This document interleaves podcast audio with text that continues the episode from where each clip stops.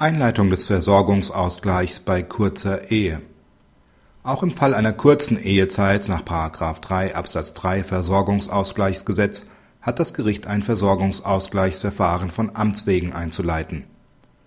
Das Amtsgericht stellt mit Beschluss fest, dass ein Versorgungsausgleich aufgrund kurzer Ehezeit nach § 3 Absatz 3 Versorgungsausgleichsgesetz nicht in Frage kommt. Ein entsprechender Antrag sei nicht gestellt worden es setzt einen Gegenstandswert sowohl für die Ehesache als auch für die Angelegenheit Versorgungsausgleich fest. Der Prozessbevollmächtigte der Ehefrau rechnet die Angelegenheit gegenüber der Staatskasse ab, da der Ehefrau zuvor Verfahrenskostenhilfe bewilligt wurde. Die Urkundsbeamtin lehnt eine Vergütung aus dem Gegenstandswert für den Versorgungsausgleich jedoch ab, da dieser nicht durchgeführt worden sei. Der Erinnerung wird weder durch die Urkundsbeamtin noch durch das Amtsgericht abgeholfen der dagegen eingelegten Beschwerde gibt das OLG jedoch statt.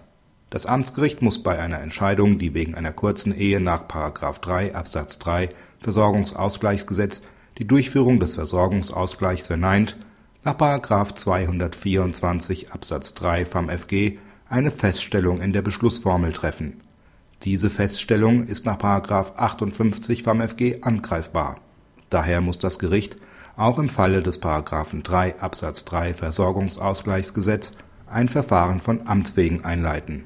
Gegenstand des Verfahrens ist die bindende Feststellung, dass kein Versorgungsausgleich stattfindet. Praxishinweis Nach § 48 Absatz 1 Versorgungsausgleichsgesetz muss bei Verfahren, die vor dem 1.9.2009 eingeleitet wurden, das davor geltende Recht Anwendung finden.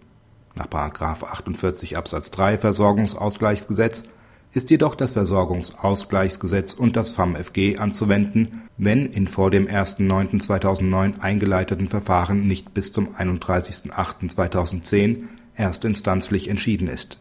Durch das Gericht sind dann neue Rentenauskünfte nach dem neuen Recht einzuholen